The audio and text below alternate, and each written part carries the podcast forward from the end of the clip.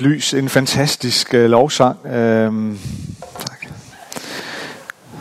Øhm, og det har vi bare brug for. Vi har virkelig bare brug for, at Gud sender sit lys i en mørk tid. Øhm, øh, her for nogle dage siden, så talte jeg med en god ven, som jeg ikke har talt med i meget lang tid.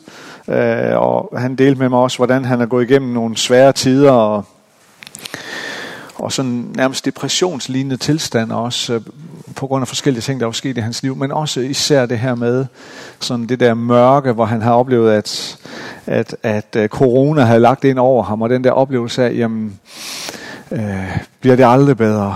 Øh, og og øh, øh, ja, det der mørke, og, og øh, og øh, det kan vi nok nikke genkende til, øh, hvordan vi kan blive ramt af det her mørke. Øh, så der har vi virkelig bare brug for, at Gud sender sit lys. Han er lyset. Han er, øh, han er øh, den eneste, der kan lyse op. Øh, og give os et evigt ly, øh, lys. Øh, og det har vi virkelig bare brug for. Øh, så tak for at minde os om det, også i den her lovsang her.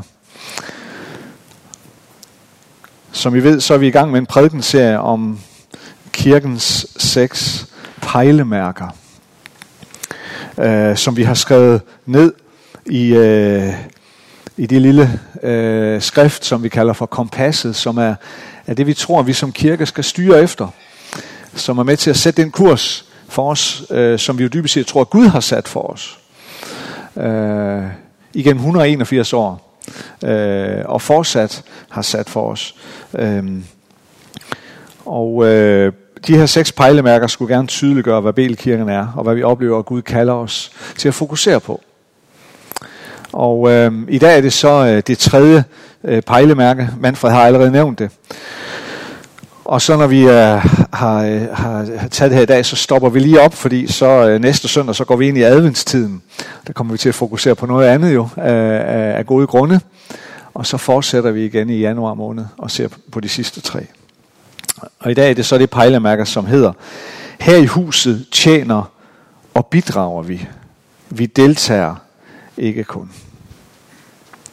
Og øh, der vil jeg lige læse nogle vers fra Paulus' første brev til menigheden i Korinth, hvor der står sådan her.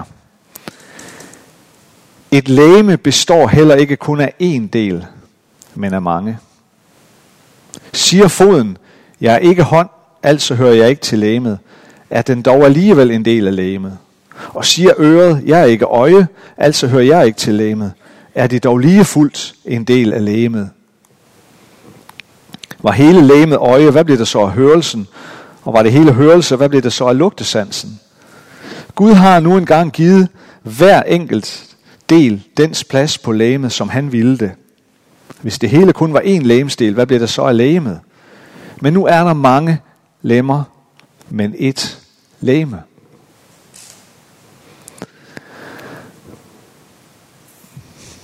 Når vi læser meget af det, som Paulus for eksempel har skrevet. Når vi læser hans breve, så kan vi måske nogle gange have den her tendens til, at vi, og, øh, og det er jo ikke noget mærkeligt i, vi læser det med, med vores briller, vores øjne, ud af den tid og kultur, vi kommer. Selvfølgelig gør vi det. Øh, men så kan vi måske nogle gange sådan plukke øh, enkelte dele ud, og, og så sige, wow, det er, det er fantastisk undervisning om lige præcis det her eller det her. Øh, det her, det er godt nok fantastisk undervisning om åndens gaver for eksempel. Eller det her det er fantastisk undervisning om ægteskabet, øh, eller om familieliv, øh, eller, øh, eller om kvinder, eller om mænd, eller hvad det nu er, vi plukker ud. Øh, men vi må bare ikke glemme, at det, som Paulus har skrevet, det er et brev. I en fuld længde. Uh, ligesom, ligesom, uh, ligesom når du sætter dig ned og skriver et brev til nogen, eller en mail, Øh, så vil du sikkert også gerne, at modtageren læser det hele, og ser det hele i en, i en helhed. Øh, og der er både en afslutning, eller der er både en begyndelse og en afslutning, og noget midt imellem osv. Og sådan er det også med Paulus. Han har skrevet et brev i en fuld længde. Det er et samlet budskab fra ende til anden. Beregnet til oplæsning af, og til, øh, også mange gange til rundsending øh, til en bestemt gruppe af mennesker i et bestemt område. Og det er skrevet ind i en, i en ganske bestemt tid, og kultur, ind i en ganske bestemt sammenhæng. Og til en eller flere øh, bestemte personer, eller en eller flere øh, menigheder. Så vi må ikke overse, at der er tale om et helt og sammenhængende budskab. Det er et brev, Paulus har skrevet. Så når vi har plukket et enkelt afsnit ud, som jeg jo så lige har gjort her, så skal vi se det i lyset af, af både tiden og dengang og kulturen og sammenhængen osv. Men vi skal også se det som et helt brev som sådan.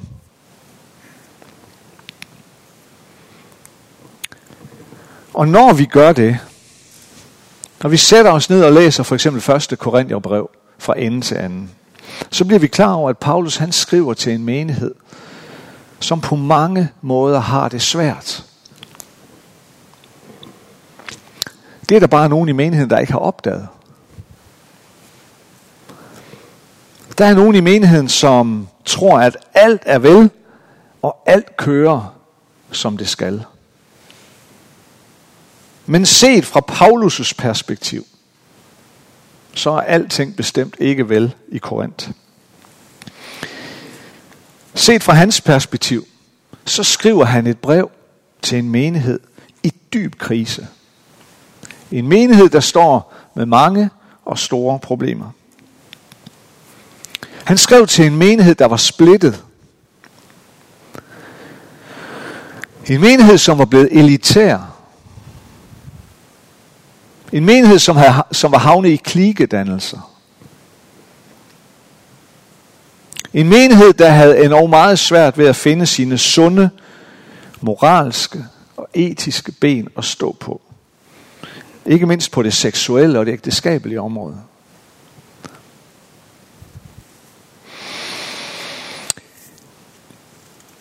Nu tager vi lige en lille pause på to minutter eller sådan noget.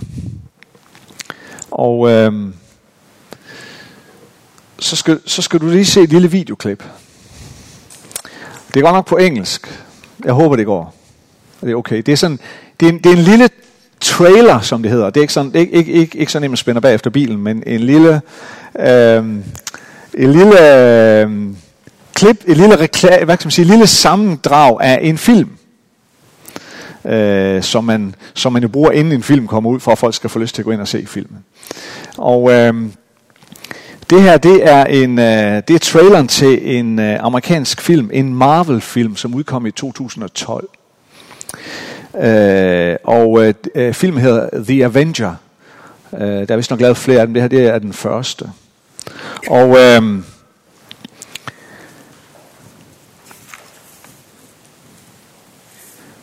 den her film den handler om en gruppe af superhelte, der slår sig sammen med det formål at bekæmpe en ond fjende, som truer med at tilrane sig verdens herredømme.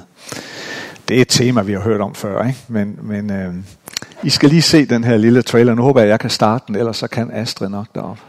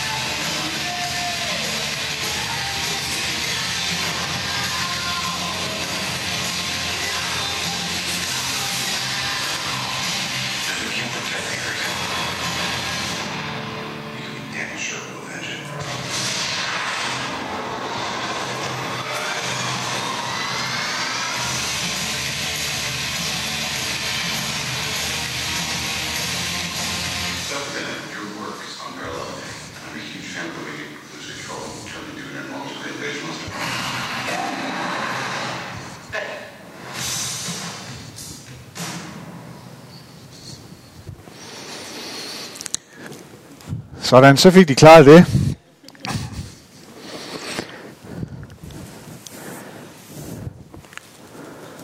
Problemet er, hvis I kan huske den her film, eller øh, de er der har set den. Problemet er, at gennem hele første halvdel af den her film, så kan de slet ikke finde ud af at arbejde sammen, alle de her superhelte.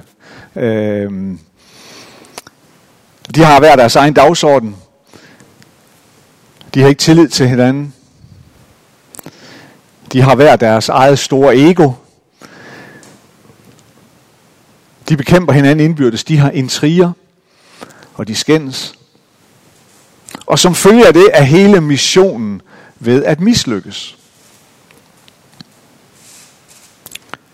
Og lige da det, da det, sådan, det, det ser ud til, at det hele er ved at falde sammen, så siger lederen, ham som hedder Agent Fury, det var hans stemme, I hørte i baggrunden, så siger han sådan her, planen var at bringe en gruppe af bemærkelsesværdige personer sammen, for at se, om de kunne blive til noget mere. For at se, om de kunne arbejde sammen, når vi allermest behøvede det.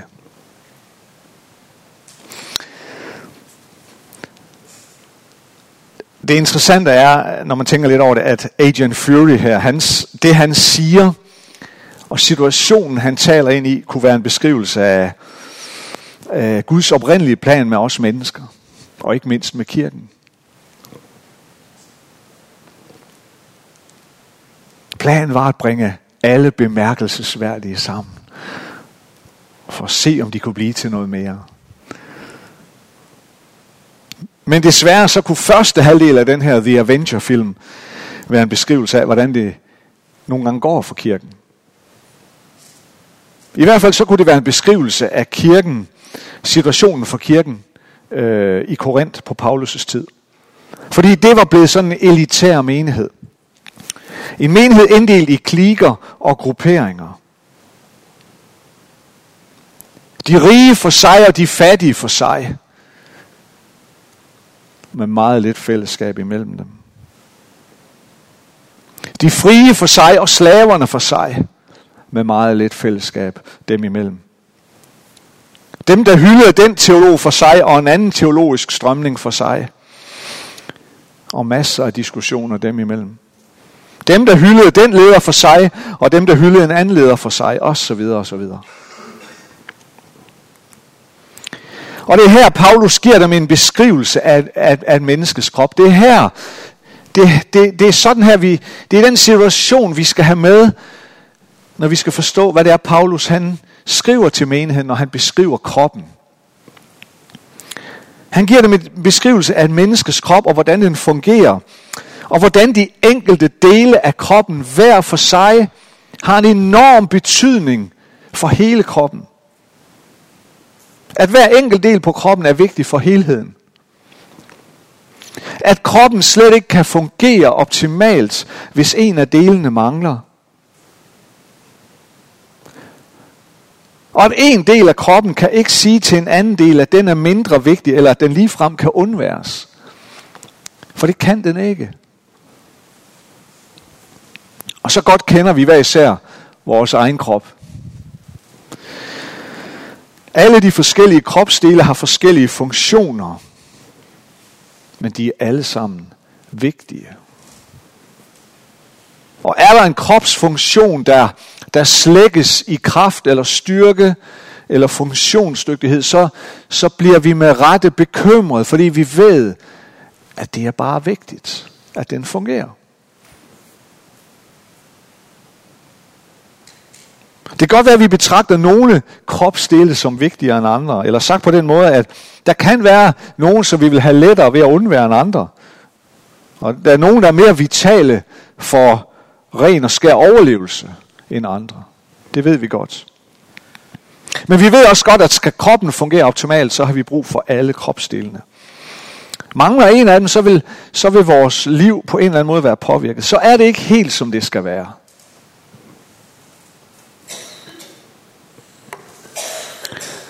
Det er det lys, vi skal forstå det, vi sammen har beskrevet om det her pejlemærke. At mennesker her i kirken tjener og bidrager. Vi deltager ikke kun. Og det kan godt lyde, når man så bare lige læser den der, det der pejlemærke, bare lige læser den der overskrift, det kan måske lyde øh, hårdt, eller det kan lyde som om, at vi øh, lægger, lægger en masse krav på hinanden. Men det er, det er ikke en sætning, det er ikke en forventning, som kommer ud af, at vi ønsker at pålægge mennesker øh, noget, der skal bebyrde dem. Det er ikke noget, vi ønsker at pålægge hinanden. Noget, som vi slet ikke kan indfri. Slet ikke. Det skal ses på en helt anden måde. Det er ud fra den overbevisning, at når Bibelen omtaler kirken, når Bibelen omtaler det kristne fællesskab som en krop, der består af forskellige lægemsdele, som alle sammen har forskellige funktioner, så må vi også godt se vores menighed ud fra det billede, ud fra beskrivelsen af en krop. Og det betyder, at hver enkelt i menigheden har fået noget givet. Hver enkelt har fået noget givet. Evner, talenter, gaver, kompetencer, muligheder, som både kan og bør bruges i menighedens liv. Vi har alle sammen fået noget. Og det betyder også, at hver enkelt person betyder noget umådeligt vigtigt. Du betyder noget umådeligt vigtigt. Du er umådeligt vigtig. Og det betyder, at den enkelte gaver og kompetencer er vigtige for fællesskabet. Det er derfor, vi siger det på den måde. Det er altså, med andre ord, det er ikke en, det er ikke en pisk, at nu skal du bare gøre noget. Det er ikke nok bare at sidde på stol, stolerækken. Det er slet ikke sådan, det skal forstås. Men det er fordi, det er fordi vi er så sikre på, og vi tror, at vi med, med skriften i hånden kan hævde det. At Gud har givet den enkelte af os noget, som skal bruges i hele lægemet, i hele kroppen. Noget, som resten af kroppen har brug for.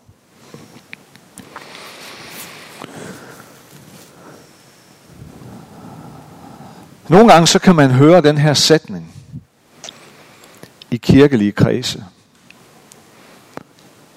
At det er 20 procent af menigheden, der bærer 80 procent af byrderne.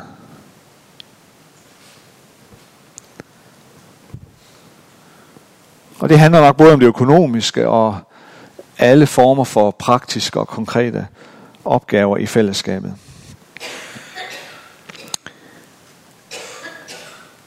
Om regnestykket holder vand her hos os, det, øh, det skal jeg ikke kunne sige. Det har jeg ikke regnet på. Det er også svært at regne på. Men vi kommer ikke udenom at sige, at også vi er ramt af det her.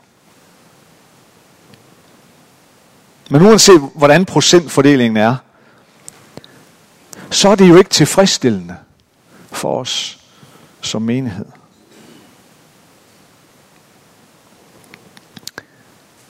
Og grunden til, at det er utilfredsstillende, det er ikke fordi, at, at, at, det er ikke fordi, at så er, det, så er det uretfærdigt for dem, som må knokle ekstra hårdt for at få det til at hænge sammen.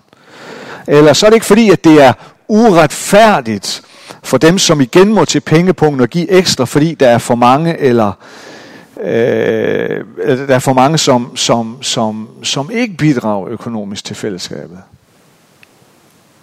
Det er ikke sådan, det hænger sammen. Det er ikke derfor, det er utilfredsstillende.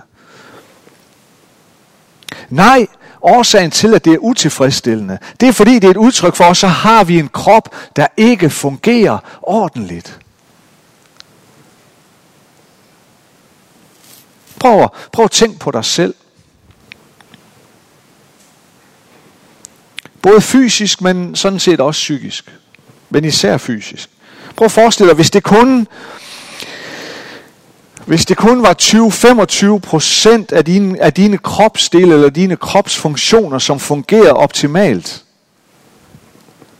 Resten var enten helt eller, eller delvist ude af drift. Prøv lige, prøv lige at filosofere, filosofere lidt over det et øjeblik. Jeg ved godt, at i min alder, der kan man godt føle sådan, når man lige øh, står op om morgenen. øh, men man ved også erfaringsmæssigt, ah, at det, øh, tag lige et par skridt mere, så, så, øh, så kommer det. Øh, men, men tænk, hvis det var sådan, at, at, at det var 25 procent, der, der fungerede, og resten duede ikke. Øh, enten helt eller delvis. Det tror jeg ikke, nogen af os ville se som et særligt ønskvær, eller ønskværdigt liv. Det er derfor, vi har det her pejlemærke. At vi ønsker, at alle, eller i hvert fald så mange som overhovedet muligt, er i aktiv tjeneste. Og er med til at bidrage, er med til at, at byde ind af sine ressourcer, sine evner og talenter. Af den simple årsag, at det er det, som det betyder at være menighed at alle evner og gaver og talenter er vigtige. At alle er blevet noget givet, som man kan og bør tjene med.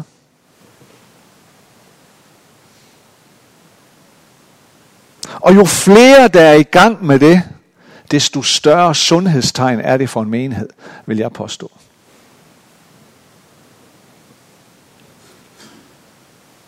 Jo flere, der er i gang med at gøre den der 80-20 øh, ligning, øh, sætte den ud af funktion, desto større sundhedstegn er det for en menighed.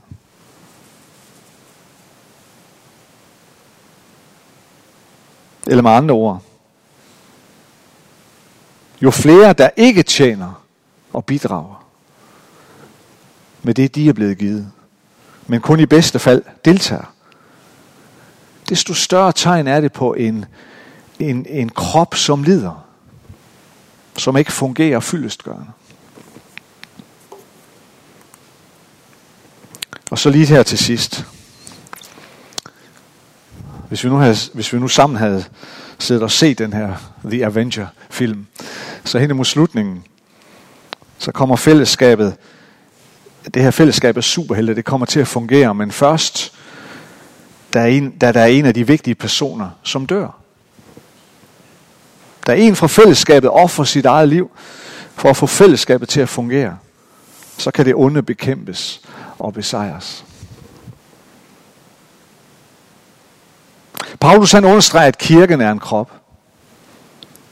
Men det er Kristus, der er hoved for kroppen. Det er Kristus, der er hoved for kirken.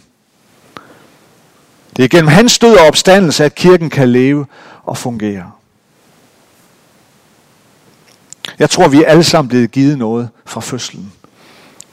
Fra skabelsen. Gaver og evner, som vi er kaldet til at byde ind med, når vi bliver en del af et kristen fællesskab. Men gaverne og talenterne forløses, når vi giver vores liv til Kristus. Når hans død bliver vores liv. Når det er den korsfæstede og opstandende Kristus, der lever gennem dig, så forløses dit potentiale på en måde, som ellers ikke kan ske, og som ikke andre end Jesus kan gøre i dit liv. Som Agent Fury sagde, for at se om ikke disse mennesker sammen kunne gøre noget, som ellers ikke var muligt. Ved frelsen forløses dit fulde potentiale, dine gaver, dine evner og dine talenter. Din personlighed sættes fri til at leve det liv, Gud har givet dig. Og dine muligheder for at tjene springer ud i fuld flor. Det er så vigtigt, at vi byder ind med det, Gud har givet os. Men vores evner, vores gaver og talenter forløses til fulde, når vi giver vores liv til ham, når vi giver vores liv til Kristus, og han sætter os fri.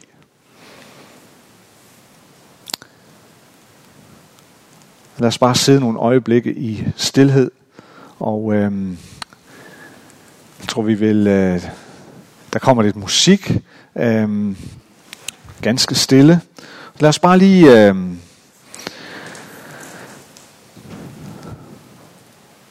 lad os bare sidde stille lidt og... Øh,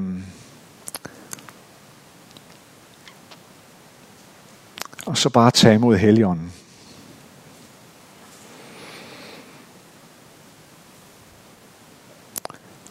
Tage imod det, som Jesus ved sin ånd vil gøre i dit liv lige nu og lige her.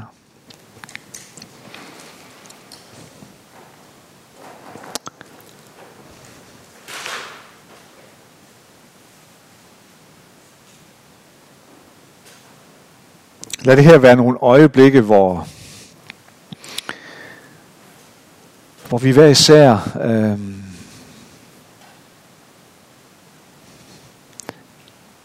ja, giver vores liv til Gud, indviger vores liv til ham. Måske, måske gør du det for allerførste gang. Eller måske er det for, jeg ved ikke hvilken gang.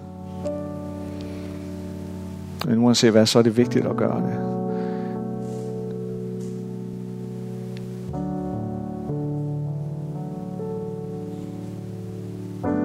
Hvor vi kommer til Jesus og siger, kære Jesus, jeg ønsker at, at lægge mit liv i dine hænder.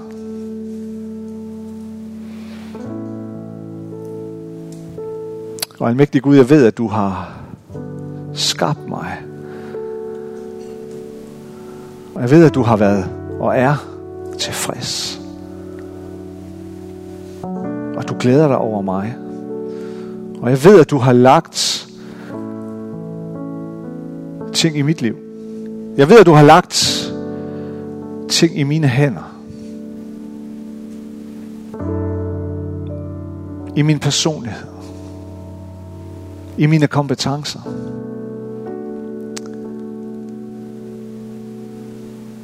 Som du kalder frem og vil kalde frem.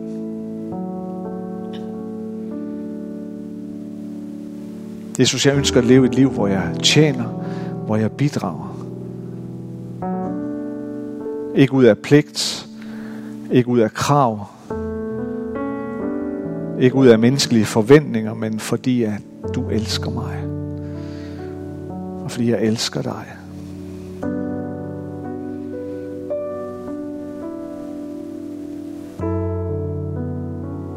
Jesus, forløs gaverne i mit liv. Og Jesus, tilgiv mig, når jeg ringeagter det, du har lagt i mit liv. Når jeg ser ned på det, som du har givet mig. Når jeg betragter det som ingenting værd, det som du har givet værdi.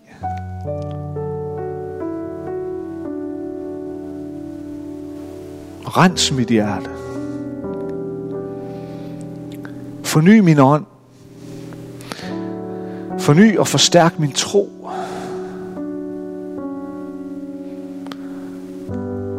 Og hjælp mig, hjælp os til at vi må overgive os til dig på ny. Og tjene og bidrage med al den rigdom, du har lagt i vores hænder.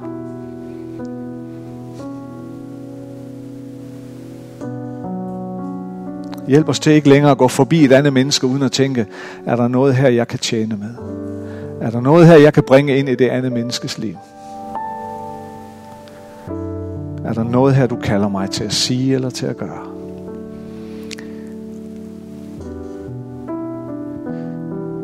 Kom, Helligånd.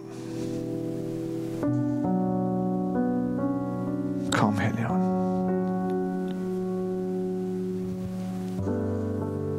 Amen.